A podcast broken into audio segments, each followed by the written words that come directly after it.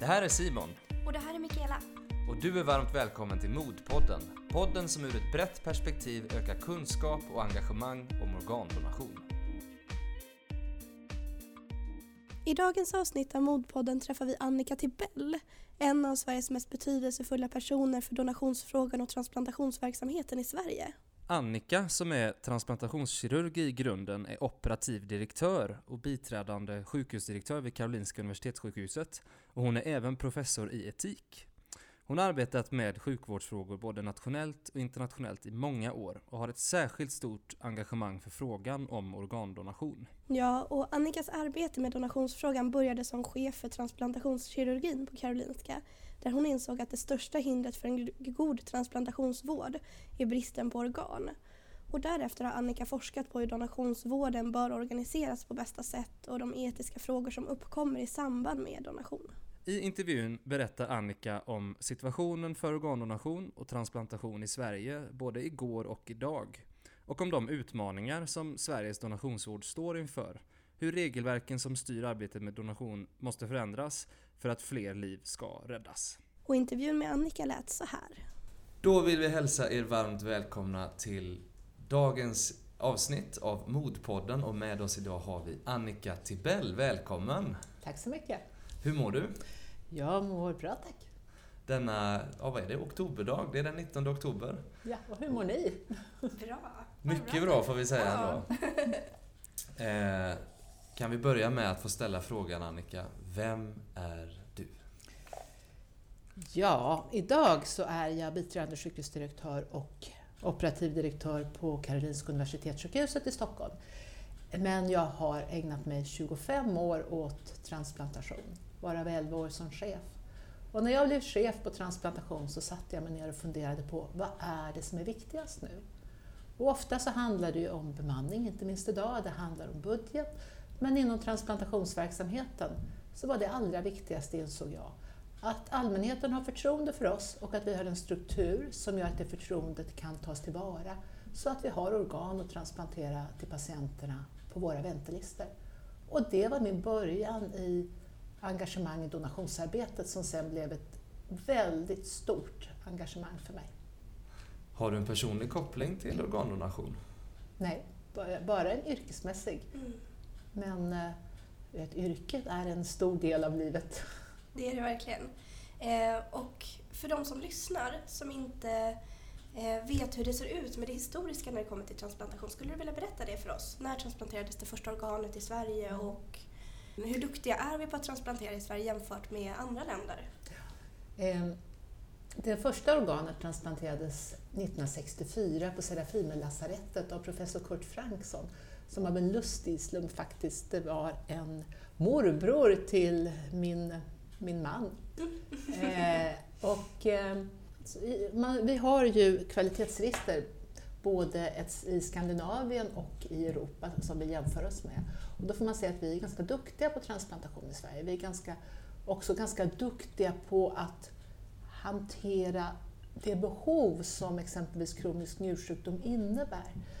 Ett mål eh, nat- internationellt, jag har jobbat en del internationellt, är att vi ska uppnå national self-sufficiency, alltså att vi ska kunna hantera landets eller regionens behov av organ internt och inte ha långa väntelistor heller.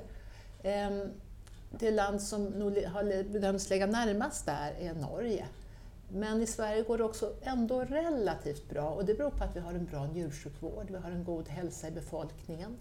Vi har inte så många donatorer vi skulle önska, men vi har också en levande givarverksamhet och de organ som transplanteras fungerar i ett internationellt perspektiv relativt länge. Och det kan också handla om att i Sverige har vi faktiskt förmånen att ha subventionerade läkemedel för organdonation. Det är inte ett faktum alls i alla länder. Och när du började som transplantationskirurg, hur, ty- hur såg vården ut då och hur annorlunda är den jämfört med idag? Jag började 1 februari 1987 och då hade jag jobbat sju år i Skövde. Jag visste att jag ville bli kirurg så efter studier i Stockholm så åkte jag till Skövde för jag kände att jag ville få möjlighet att operera lite mer än man ofta får på ett stort sjukhus. Och sen kom jag tillbaka hit den, den, stora skillnaden mot idag, och det finns förstås fler, men jag tycker den slående skillnaden mot, idag, mot igår är våra immunhämmande läkemedel. Vi behövde på den tiden ge så mycket kortison. Jag kom ju precis när man hade introducerat cyklosporin för några år sedan och på det sättet hade kunnat minska avstötningsrisk och kortisonbehov. Och sen så kom Prograf också. Och våra induktionsläkemedel, de här droppen man kan få för att förebygga avstötning i samband med transplantation, det hade man ett sådant, ATG, och sedan så kom OKT3 både som möjlig induktion och eh, avstötningsbehandling och sen har vi fått ytterligare ett antal läkemedel. Eh, men eh, jag tror nog det och när man ser också att de kortisondoser som gavs då och de avstötningsbehandlingar med höga kortisondoser som gavs då gav ju också ett antal biverkningar som vi ser så mycket mindre av. En biverkan som är så tydlig för patienten är ju att man får kortisonpåverkan av utseendet. Men det fanns också andra typer av biverkningar. Vi hade mycket mera det som kallas opportunistiska infektioner, alltså infektioner som kommer bara hos dem som har ett hämmat immunförsvar. Mm. Vi hade också bekymmer med, med perforationer, alltså att det gick hål på, på tjocktarmen eller på magsäcken. Vi hade väldigt fula lunginflammationer som kunde gå väldigt fort, väldigt svåra förlopp. Det där ser vi ju nästan inte idag. Så jag tycker kanske att det är den mest fantastiska utvecklingen. Mm. Sen finns det andra bitar som handlar om vår förmåga att ta tillvara organ, att preservera, alltså bevara organen utanför kroppen och ibland också behandla organen så att de fungerar bättre. Vi har en bättre donatorsvård. Därför att under döendet kan ju organen fara illa och vi har en bättre donatorsvård idag. Och vi är också duktigare på att ta hand om patienten under operationen och efter operationen, den som tar emot. Så det, är mycket som har förändrats. Mm. Men jag tror ändå att läkemedlen är det för mig allra största. Vi har förstått att vi är relativt duktiga på att transplantera organ i Sverige. Men hur duktiga är vi på att identifiera organdonatorer och hur jämför vi oss med övriga länder i Europa? Mm. Jämförelser nationellt och internationellt har traditionellt sett skett genom att man räknar hur många avlidna donatorer har du per miljon invånare i ditt land.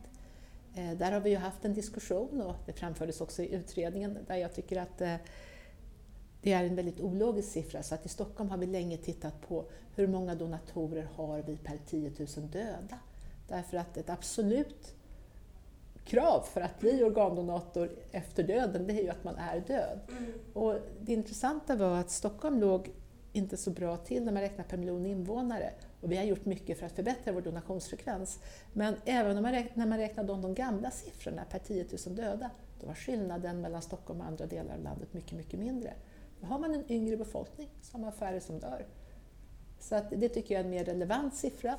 Sen kan man diskutera, ska vi till och med mäta per antal som dör inne på en intensivvårdsavdelning? Men då hamnar vi genast i tröskeln för att komma in på intensiven, bedömningar som görs på akuten och så.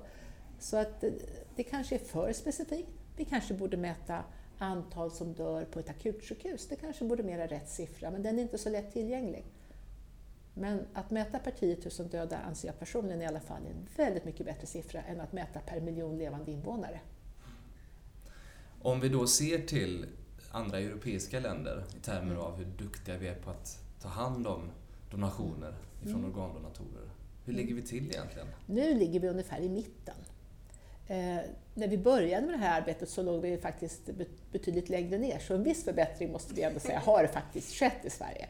Det är otvetydigt så, en väldigt rolig utveckling. Inte minst eftersom vi inte är ensamma i världen om att jobba med organdonation, utan de andra har ju också arbetat med att förbättra sitt donationsarbete. Med det sagt är det ju ändå så att om man tittar på våra siffror så ligger vi klart lägre än delar av Europa, framförallt södra Europa, men också klart lägre än ganska stora delar av USA. Eh, och vad beror det då på? Ja, det beror på organisationen kring donationsarbetet. Det beror också, om vi jämför oss med södra delarna av Europa i alla fall, på vår syn på att vilka patienter som ska få intensivvård och vår syn på att avsluta meningslös behandling. Så att ibland är det lite svårt att Somliga säger att vi ska titta på Spanien, vi ska lära oss av Spanien, där har man så höga donationstal. Vi ska absolut lära oss av Spanien, men vi ska samtidigt se de skillnader som finns mellan Sverige och Spanien. Eh, så att allting går inte att importera rakt av från andra länder. Och det finns en stor skillnad mellan norra och södra Europa hur man ser på indikation för intensivvård och hur man ser på avslutande av behandling. I Sverige är det oetiskt att fortsätta en behandling som inte gagnar patienten under en utdragen tid.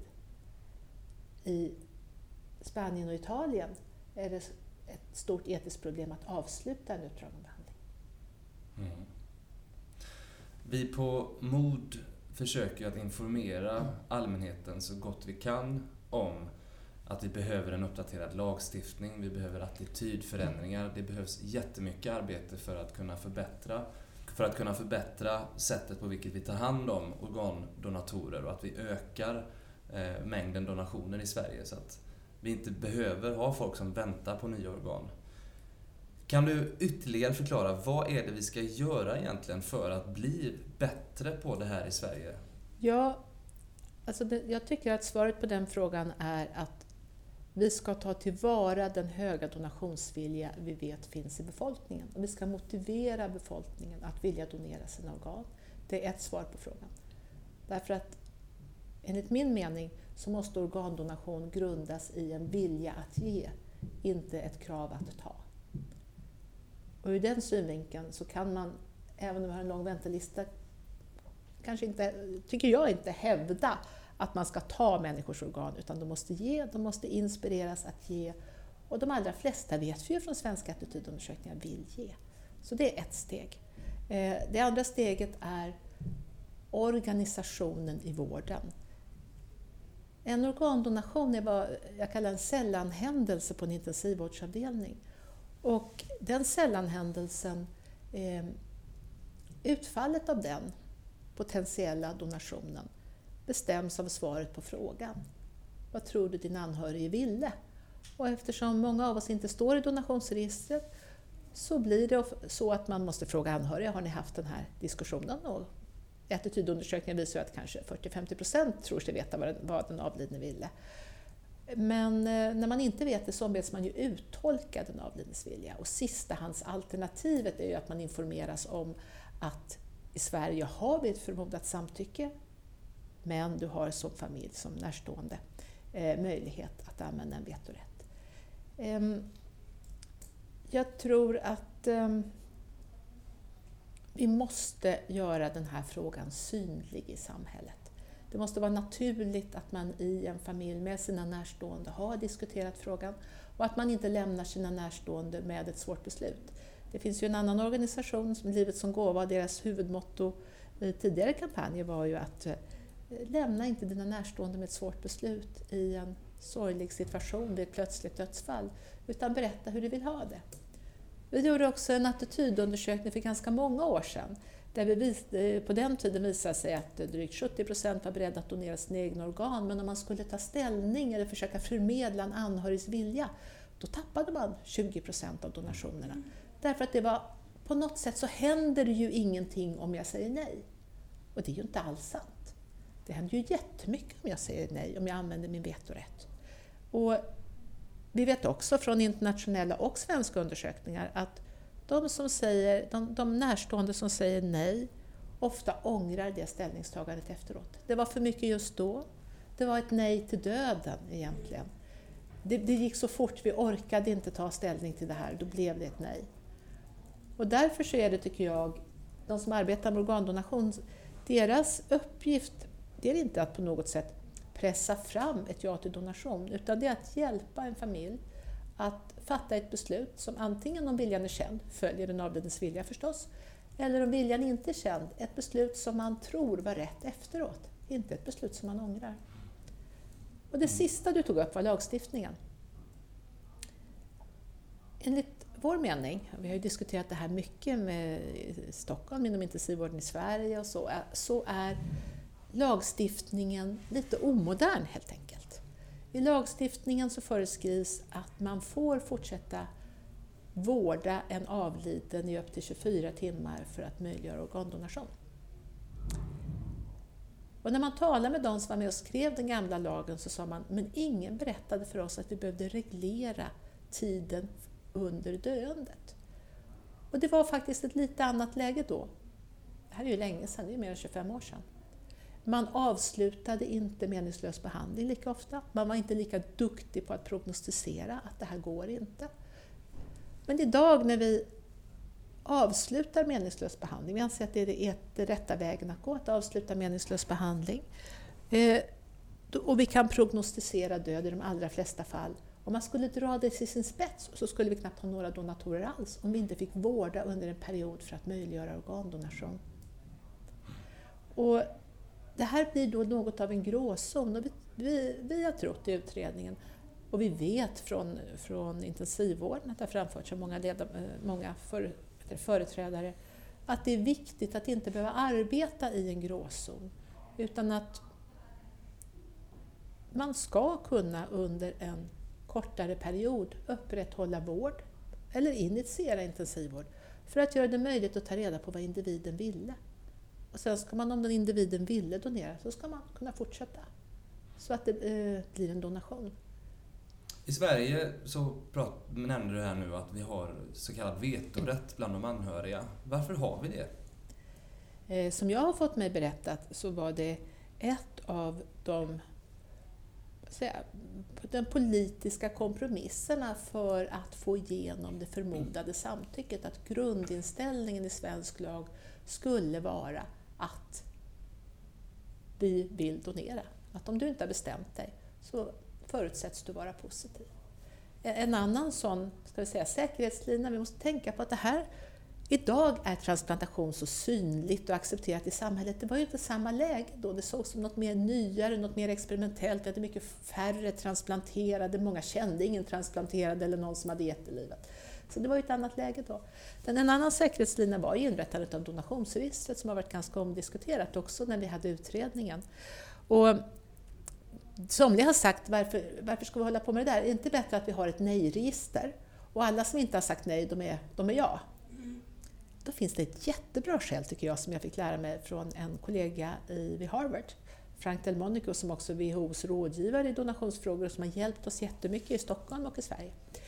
Och det är att i USA resonerar man så här, om man har ett nej-register, hur ska det vara etiskt att ha ett nej-register? Jo, alla måste känna till att det finns ett nej-register, annars blir det ju inte etiskt. Om du inte har sagt nej så tar vi din organ, men vi berättar inte för någon att du måste säga nej, det går ju inte. Mm. Det vill säga, vi skulle behöva gå ut och ge massa information till allmänheten om att du kan säga nej till organdonation. Ja, det kanske inte är det som vi tycker är mest intressant att informera allmänheten om, eller hur? Och, och det för mig är det starkaste argumentet mot ett nej-register. Håller med helt och hållet. Ja, Eh, för bara några veckor sedan så antog man ett förslag vid Stockholms läns landsting eh, att införa ett nytt donationscentrum. Eh, vad innebär det att göra organdonation till en mer naturlig del av sjukvården och varför är det, är det viktigt att ändra hur donationsverksamheten är organiserad? Jag har jobbat med donation sedan 2000 i Stockholm och vi har gjort ett antal åtgärder. Bland annat så eh, testade vi konceptet med donationsspecialiserad sköterska. Det började med en enda person som jobbade på neurointensiven på Karolinska och då självklart inte kunde vara med. Hon kunde ju inte jobba 24 timmar om dygnet, 365 dagar om året, även om hon ofta kom in lite extra när det var en potentiell donator. Ehm, och det här var lite inspirerat av den spanska modellen. Där har man ju koordinatorer, ofta läkare, som arbetar på sjukhus och inventerar potentiella donatorer. Det systemet sågs inte som acceptabelt i svensk intensivvård och då valde vi att istället specialutbilda en av intensivvårdssköterskorna att särskilt ha den här uppgiften men samtidigt vara en integrerad i gänget, delade värderingarna och kulturen på avdelningen. Eh, vi utvärderade det där faktiskt i en avhandling bland annat och det var ju väldigt tydligt att som man frågar får man svar. Om man är trygg, om man kan sitta, ge tid, vara med de närstående, då får man fram väldigt ofta en donationsvilja. Om man har bråttom, och, och det är ju inte av ond vilja som människor behöver ha bråttom. Jag kanske är jourhavande läkare, jag har en pip i fickan hela tiden. Eh, jag har massor av patienter som jag har ansvaret för. jag kan inte ge samma tid och jag kanske gör det här jättesällan. Jag kanske gör det en gång var tredje eller var femte år. Det är klart att om man är specialutbildad och man har tiden så ger man en annan trygghet i situationen. Den här jourlinjen har vi sedan utvidgat i Stockholm så att vi har nu intensivvårdssjuksköterskor, eh, en från varje intensiv, stor intensivvårdsavdelning i Stockholm.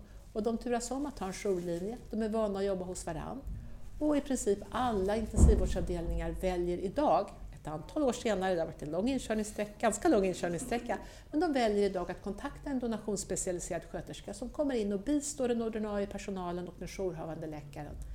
Både rent praktiskt med händer om det är ont om folk på intensivvården att ta hand om donatorn, men kanske allra mest med information och stöd till de anhöriga. Det är en bit som vi har haft i Stockholm. Eh, vi har satsat lite extra på vår regionala donationsansvarig läkare. Vi har haft organisationer för organdonation i Mellansverige tillsammans med Uppsala. Vi har haft ett strategiskt projekt i fem år där vi har tittat på hur man har jobbat i andra länder och jämfört oss med dem. Och då har vi tittat på Norge, vi har tittat på USA och Spanien och vi har tittat på England som inte har så höga siffror men som hade en väldigt låg nivå och är på väg uppåt som vi också tycker är ett land som delar vår kultur. Vi har haft workshops med olika engagerade intressenter i organdonation eh, och vi har försökt ta fram en modell. Och då har vi sett att vi tror att det måste finnas no några få som får mera tid att fokusera på det här och att de olika insatserna vi gör i Stockholm behöver samlas i en sammanhållen organisation, ett regionalt donationscenter. Och vi är jätteglada att bara för några veckor sedan så tog våra politiker i Stockholm det är resultatet av ett femårigt utvecklingsprojekt mm. som jag har drivit tillsammans med mina medarbetare, att vi ska få ett sådant regionalt donationscenter, det kommer att placeras inne på Karolinska. Och eh, målsättningen är förstås att det ska ge oss ett större fokus på donationsverksamheten. Det ska driva det kliniska arbetet, det ska driva kvalitet, följa upp utfall och ska också driva utvecklingsfrågor. Mm. Är det här någonting som skulle kunna införas i de andra regionerna i Sverige och vad skulle krävas för det? Jag tror att man måste titta på varje regions förutsättningar. Och det är klart att vi i Stockholm som har många invånare, många stora sjukhus med kort resavstånd emellan, vi har lite särskilda förutsättningar för att göra delar av det här. Så att jag tror att vi, delar, vi har delat med oss av våra erfarenheter. Jag vet att eh, somliga tittar på delar av det. Men jag tror att man måste titta lite region för region vad som kan vara effektivt i, i deras egen region, men vi delar som sagt alltid gärna med oss av mm. det vi har lärt oss. Mm. Vi har förstått att du var en av initiativtagarna till ett runda bordsamtal 2016 om de etiska aspekterna kring organdonation. Det var ett antal tungviktare med på området. Vilka var med och vad pratade ni om? Ja, Eh, de som var med, nu minns jag inte alla så jag får be dem om ursäkt som jag inte räknar upp, men det var bland annat Göran Hermerén som ju är en mycket välkänd etiker också med tunga uppdrag i EU. Eh, det var Nils Lynne, seniorprofessor i medicinsk etik vid Karolinska. Det var Kjell Asplund som ju är ordförande i Statens medicinetiska råd. Det var Daniel Brattgård, eh, sjukhuspräst i Göteborg, som jobbat mycket med etiska frågor, med flera. Och utgångspunkten kom lite grann i diskussioner i Organisationen för organdonation, alltså OFO, Mellansveriges etiska råd. Vi har haft ett etiskt råd eh, knutet till den organisationen som organisationen startade på 90-talet.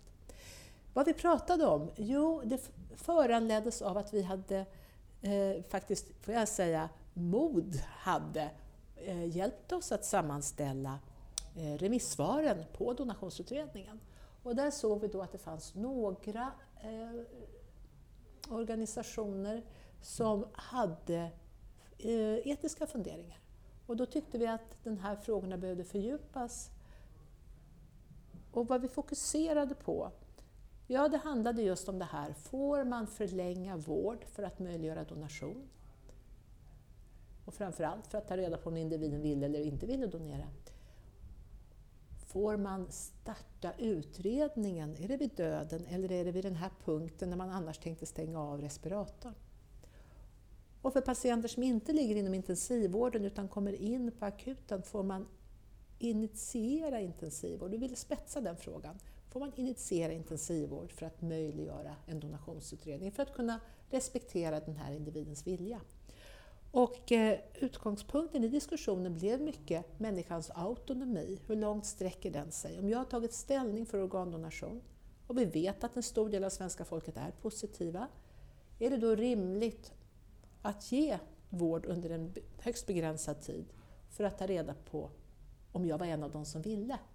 Nu när vi vet att så många faktiskt vill. Ehm, och ehm, ja, Eh, här kom man ju fram till efter att ha vägt för och nackdelar att man också riskerar att behandla de som inte vill och vad, vad är det för ingrepp i integritet och så vidare. Att det ändå var rimligt att kunna behandla för att utreda organdonation. Och som jag sa nyss, att om man driver det här till sin spets, eftersom vi idag oftast kan förutse döendet, om man då säger att vi inte får behandla när vi ser att det går mot döden utan vi ska avsluta behandling, ja, då skulle det bli väldigt få organdonationer. Det här var ju en fråga som utredningen valde att verkligen försöka specificera. Och sen har det visat sig att det finns eh, en del juridiska, eh, en juridisk komplexitet i hur man ska möta den här frågan. Och eh, jag tror att det är viktigt att man funderar över vad vi vill i Sverige. Om vi har en offentligt finansierad, väl etablerad transplantationsverksamhet, då måste vi självklart ha en donationsverksamhet i Sverige. Och hur den ska utformas måste ju baseras på vad befolkningen, den informerade befolkningen vill. Det är viktigt att det finns information lättillgänglig. Ehm, så att eh, om det nu är så att utredningens förslag juridiskt sett blev komplext att genomföra så är det ju väldigt viktigt att man då har en tilläggsutredning där man tittar på hur kan vi komma framåt i den här frågan. Det tror jag är jätteviktigt. Vi måste komma framåt i frågan. Det får inte bli så nu att man tar halva donationsutredningen, de ska säga lite mindre komplexa förslagen och genomför dem och sen så lägger man halva i en låda och inte åtgärdar dem. Utan jag kan förstå att det kan vara komplext med de här frågorna. Vi har ju diskuterat dem i flera år, innan utredningen också. Men då är det viktigt att även de mer komplexa frågorna får en fortsatt hantering och att vi hittar en väg framåt också i Sverige. Och du var ju en av experterna ju, eh, som du också har meddelat här nu, i mm. Anders Miltons donationsutredning som vi har nämnt här. Och ty vad tycker du om utredningens förslag? Var de tillräckligt långtgående? Var, är det någonting du skulle vilja ha lagt, lägga till eller?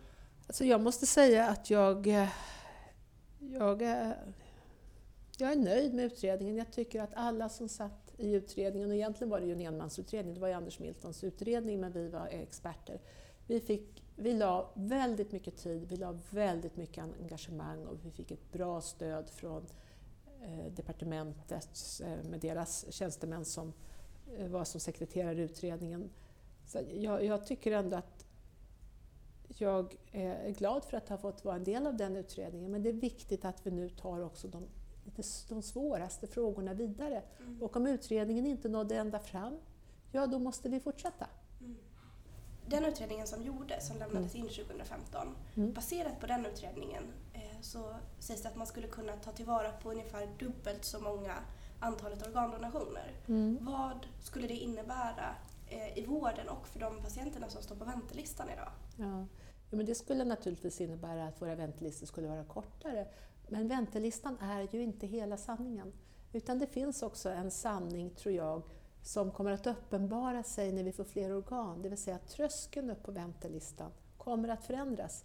Därför att organdonation, där måste man ju också titta på nyttan relativt eh, prioriteringen för individen. Alltså, vad menar jag med det? Jo, när vi inte har ett oändligt antal organ, då måste vi se till att de organen vi transplanterar gör så stor nytta som möjligt. Vi måste se att den individen vi transplanterar har en rimlig chans att få glädje av sitt organ. Eh, och jag tror att den tröskeln kan påverkas av om vi får ehm, fler organ. Och den kan också påverkas av den medicinska utvecklingen som vi har sett att vi kan, nu när vi inte ger så mycket kortison, transplantera äldre människor med gott resultat och så vidare. Eh, sen ska vi ju komma ihåg att även om jag nu säger att det är möjligt att delar av utredningen måste fortsätta och därmed så kan vi se en, en försening i införandet av vissa saker. Så en sak som ingår i den här siffran du nämnde, det är ju införande av donation after cardiac death, eller circulatory death. Eh, nämligen att vi skulle kunna ta tillvara vissa organ från individen på stilla, med stillastående hjärta. Och eh, om vi talar om det så handlar det i första hand eh, för ett breddinförande att kunna ta tillvara organ hos individer som ligger på intensivvården, som inte utvecklar en total hjärninfarkt men som är precis nära och som när man tar bort respiratorn avlider inom väldigt kort tid. Mm. Och den delen av utredningen kan genomföras i bedömningen i projektet eh, under nuvarande lagstiftning. Mm. Och, eh, vi har ju haft ett antal sådana workshops kring DCD som vi ordnat i Stockholm och det har ju så småningom blivit ett eh, projekt som leds av SKL, Sveriges kommuner och landsting, där vi sitter tillsammans, representanter från olika delar av landet och tittar nu på en gemensam pilotstudie av DCD i Sverige. Och den är bedömningen, och där är vi också Socialstyrelsen representant engagerad, att den kan vi ändå göra. Mm. Så att det är inte så att hela förändringen är beroende av det här som vi har pratat om, komplexiteten i förslagets relativt lagstiftningen. Utan vi kommer att ta steg framåt. Mm. Och sen kan vi ju bara se på den olika donationsfrekvensen i olika regioner i Sverige, mm. som då rimligen inte bara, särskilt om man räknar per 10 000 döda, inte rimligen inte bara beror på att vi har olika befolkning, utan Nej. också på att vi har olika handläggning redan idag, inom dagens riktlinjer. Och Annika Strandhäll då, hon meddelade ju här under donationsveckan, precis som vi har nämnt, att de inte kommer gå vidare med lagförslagen här. Eh, och det är de juridiska aspekterna som framhålls. Eh, kan du kommentera lite kring det? Vad, vad, tror du hon menar med att det är juridiken som sätter käppar i hjulet? Ja, hon menar ju då att det här är... Eh, eh låt mig backa bandet. Alltså, eh, grunden i hälso och sjukvårdslagen är att sjukvård bedrivs för att förebygga sjukdom eller behandla eller lindra sjukdom och så finns det några undantag. Ett sådant undantag är levande givardonation. När man opererar ut en njure på en levande givare så kan man inte säga att det lindrar hans sjukdom. Och det, eh, abort är ett annat undantag. Att få behandla en kvinna som har avlidit, där man konstaterar total hjärninfarkt under begränsad tid för att rädda fostret, är ett undantag. Men vi har inget undantag som handlar om avliden donation. Och då ser man att att införa ett sådant undantag krockar med vissa internationella riktlinjer om att man ska skyddas från kroppsliga ingrepp som man inte har gått med på och kanske också vissa bitar i svensk lagstiftning som syftar till att skydda individer mot sådant de inte har gått med på. Och vi måste komma vidare i den frågan. Eh, och därför så tycker jag att det allra viktigaste, eh, och jag tror att vägen framåt dessutom, inte är att säga att nu ska det vara precis som utredningen kom fram till, utan det finns uppenbarligen en större komplexitet än även de jurister som var delaktiga i utredningen eh, förstod då. Nu har det tittats på av ytterligare personer och vi måste hitta en väg framåt i en tilläggsutredning eller hur man nu ska göra det.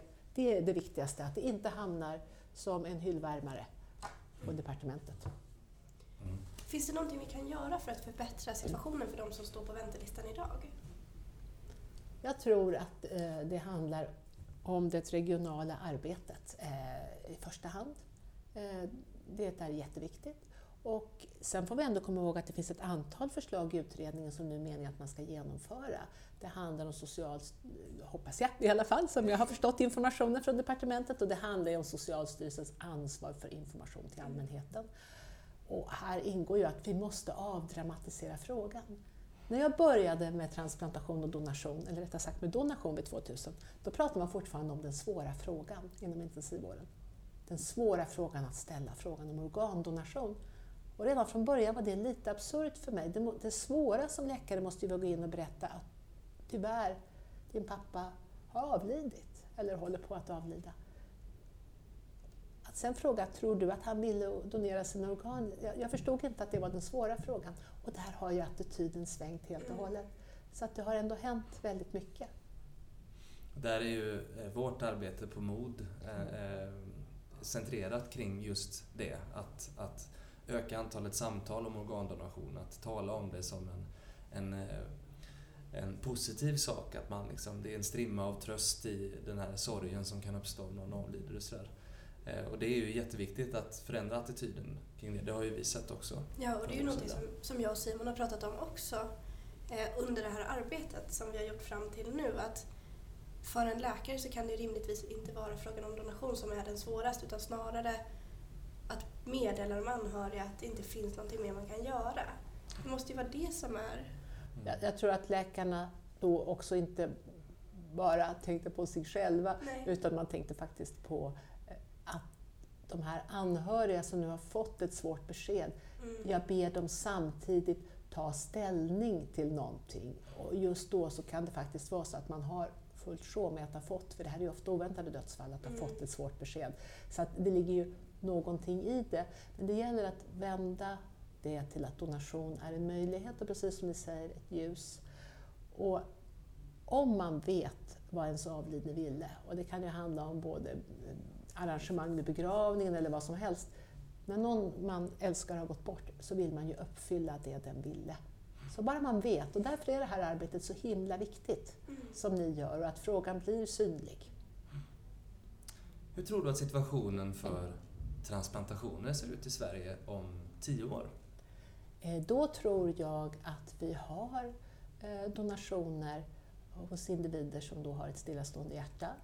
Eh, Jag tror att vi har en ökad eh, donationsfrekvens men vi ska samtidigt komma ihåg att vi får bättre och bättre behandlingar för hjärnskador och andra saker. Så att om vi inte hade jobbat så här hårt med donationer så hade det gått ner av sig självt därför att antalet potentiella donatorer minskar. Jag tror också att vi har metoder för att förbättra organens kondition utanför kroppen och det är sånt som redan har påbörjats i viss omfattning men jag tror att de metoderna har kommit längre. Mm. Och sen så tror jag att vi kanske har kommit lite närmare det här som kallas den heliga graal, nämligen att inte behöva ge immunhämmande läkemedel, eller åtminstone mycket mindre immunhämmande läkemedel och under kortare tid. Vi har ju haft förmånen att få intervjua bröderna David och Erik, Berglund Mm. som eh, forskar på precis det här. Mm. Och det var en jättespännande intervju som vi kan rekommendera lyssnarna att lyssna till för de pratar om just Mm. alternativa behandlingar till immunhämmande läkemedel. Finns det någonting Annika som du känner nu att du skulle vilja berätta för oss som vi inte har berört? Kanske en kortis, eftersom jag har jobbat så mycket internationellt så vill jag ändå säga någonting om det. Och det är att i Sverige så har vi en privilegierad situation. Vi, de allra flesta ändå som kommer på en väntelista får ett organ, medan i världen så är det en tredjedel av de som kommer upp på väntelistan som någonsin får tillgång till en transplantation. Eh, och det har lett till att vi har en svart sida av det här med transplantation i världen, och det är organhandel. Och det bästa sättet att förebygga organhandel, att svenska patienter åker utomlands och utnyttjar fattiga, ofta outbildade individer som källor till att få organ, för jag vill inte kalla det organgivare, för det är man inte. Eh, det är att vi har en bra vård och en hög donationsfrekvens i Sverige. Så det tycker jag är ytterligare ett viktigt skäl till att vi ska arbeta mot national self-sufficiency. För det finns inget land som faktiskt har ett sant överskott på organ. Utan vi behöver reda ut det här själva i Sverige och vårt mål ska självklart vara att alla som behöver ett nytt organ, de ska få det med en mycket rimlig väntetid. Så kort som möjligt. Bra tillägg. Mm. Vem skulle du vilja lyssna på i ett kommande avsnitt av Motpodden? Men det finns så många eldsjälar inom organdonation. Det är så roligt att, att eh, vi har blivit fler, höll jag på att säga. Eh, och också det som är roligt är att intensivvården idag har ett allt större engagemang. Det är intensivvårdens fråga. Förr var det faktiskt för länge sedan transplantation som lite knackade på intensivvårdens dörr. Idag är det intensivvårdens självklara fråga att det är en del i livets slutskede. Det tycker jag också är så viktigt. Det måste jag få ta. Organdonation men också vävnadsdonation ska vara en naturlig del i livets slutskede. Att när en individ dör, dör på intensiven så ska man inte bara ta upp donation i de fall det är aktuellt. Man ska också berätta för anhöriga att ja, tyvärr, din pappa avled och har ju den här grundsjukdomen, den här tumören som gör att han kan tyvärr inte få donera. Vi ska alltid ge information, för jag får ibland frågor om min pappa dog si och så och de frågar inte ens. Det är mycket möjligt att det var väldigt klokt att inte fråga, men då ska man berätta varför man inte frågar. Och sen ska vi komma ihåg att de som dör utanför intensivvården kan mycket väl vara aktuella för att donera vävnad. En annan jätteviktig donation som vi inte heller får glömma bort. Så att precis som frågan ska vara mer synlig i samhället så ska den vara naturligt integrerad i vården i livets slutskede, åtminstone när man dör inom sjukvården. Och vem då? Och nu glömde jag säga vem jag skulle vilja lyssna till. Ja, jag skulle jättegärna vilja lyssna till Kristina Hambraeus, en mycket engagerad eh, donationsansvarig läkare här i Stockholm. Hon är regionalt donationsansvarig. Jag skulle vilja lyssna till Daniel Brattgård, sjukhuspräst i Göteborg, som har arbetat med de här frågorna i så många år och talar om att vi måste ha betänketid. Han använder ett annat ord, jag vet inte om det är andrum, men alltså betänketid både medicinskt rådrum tror jag han säger. Medicinskt rådrum och existentiellt rådrum för att komma ikapp. Han har fyra olika rådrum, de tycker jag ni skulle låta honom berätta om. Jag skulle vilja lyssna på Linda Gyllström Krekula som har varit min doktorand och som nu jobbar jättemycket med Regionalt donationscentrum i Stockholm. Både runt det, men inte minst runt att hon faktiskt är en av ganska få personer i Sverige som skrivit en avhandling om avliden donation. Det är otroligt kul att du säger alla de här namnen, för de är ju alla på vår gästlista i ja. Modpodden. Då ska jag fundera ut något nytt namn som det inte har. Och vet ni, då ska jag säga ett namn som jag inte tror att ni har, och det är Frank Delmonico. Eh, Världshälsoorganisationens rådgivare i donationsfrågor, eh, professor i emeritus i transplantationskirurgi vid Harvard i USA och eh, medicinsk chef för New England Organ Bank där man har donationssiffror på 30 per miljon invånare och man har ett väl etablerat DCD-program. Frank är en gammal god vän till mig. Vi har jobbat med etik, internationella etikfrågor, knepiga frågor kring Kina där man skjuter fångar för att ta organ och så. Frågor om organhandel, men han har också engagerat sig i att hjälpa oss i Stockholm och också i Sverige att eh, få hög donationssekvens och eh, talat med departementet, varit med i vårt DCD-projekt. Visserligen får ni då göra en intervju på engelska, men Frank har lovat oss att komma tillbaka när DCD-projektet börjar i Sverige, har gått några månader för att ge oss nya råd. Då tror jag ni skulle passa på. Det låter som en bra plan tycker Verkligen. jag. Annika, tack så jättemycket för att du ville gästa oss i Modpodden. Det har varit mycket. en fantastisk intervju och ett samtal med dig. Mm, tack ska ni ha. Ja, man förstår snabbt vilken tongivande röst Annika har, både för frågan om organdonation och transplantation, men även för svensk sjukvård i stort. Simon, vad kommer du ta med dig av samtalet med Annika? Jag vill lyfta två saker. Och det första har att göra med det vi på MOD oftast får höra när bristen i organ i Sverige lyfts fram. Nämligen att ett nej-register vore mycket bättre eftersom att vi då per automatik får fler organ. Vi får ofta mejl om det här på MOD. Och Annikas etikargument tycker jag är det starkaste mot ett sådant system. Och min förhoppning är att allmänheten istället skiftar fokus och följer rådet som Annika ger om att tala om sina närstående eh, vad man vill. Det är mycket, mycket starkare. Och det andra är att Annikas, Annikas vädjan till politikerna att inte låta donationsfrågan läggas i en låda någonstans nu efter att utredningen inte ledde till ett skarpt lagförslag. Vi måste agera och vi måste ta oss an frågan på nytt för att kunna åstadkomma förändring. Det tycker jag är det viktigaste att ta med mig från Annikas eh, intervju. Det har du helt rätt i Simon. Och om du har frågor eller kommentarer om dagens avsnitt eller podden generellt, tveka inte att höra av dig. Vi finns att nå på podden merorgandonation.se, vår hemsida www.merorgandonation.se eller vår Facebooksida Merorgandonation. Vi hörs igen nästa gång och då är det dags för säsongens sista avsnitt med ingen mindre än Mods medgrundare Peter Karstedt. Vi hörs då. Hej då! Hej då!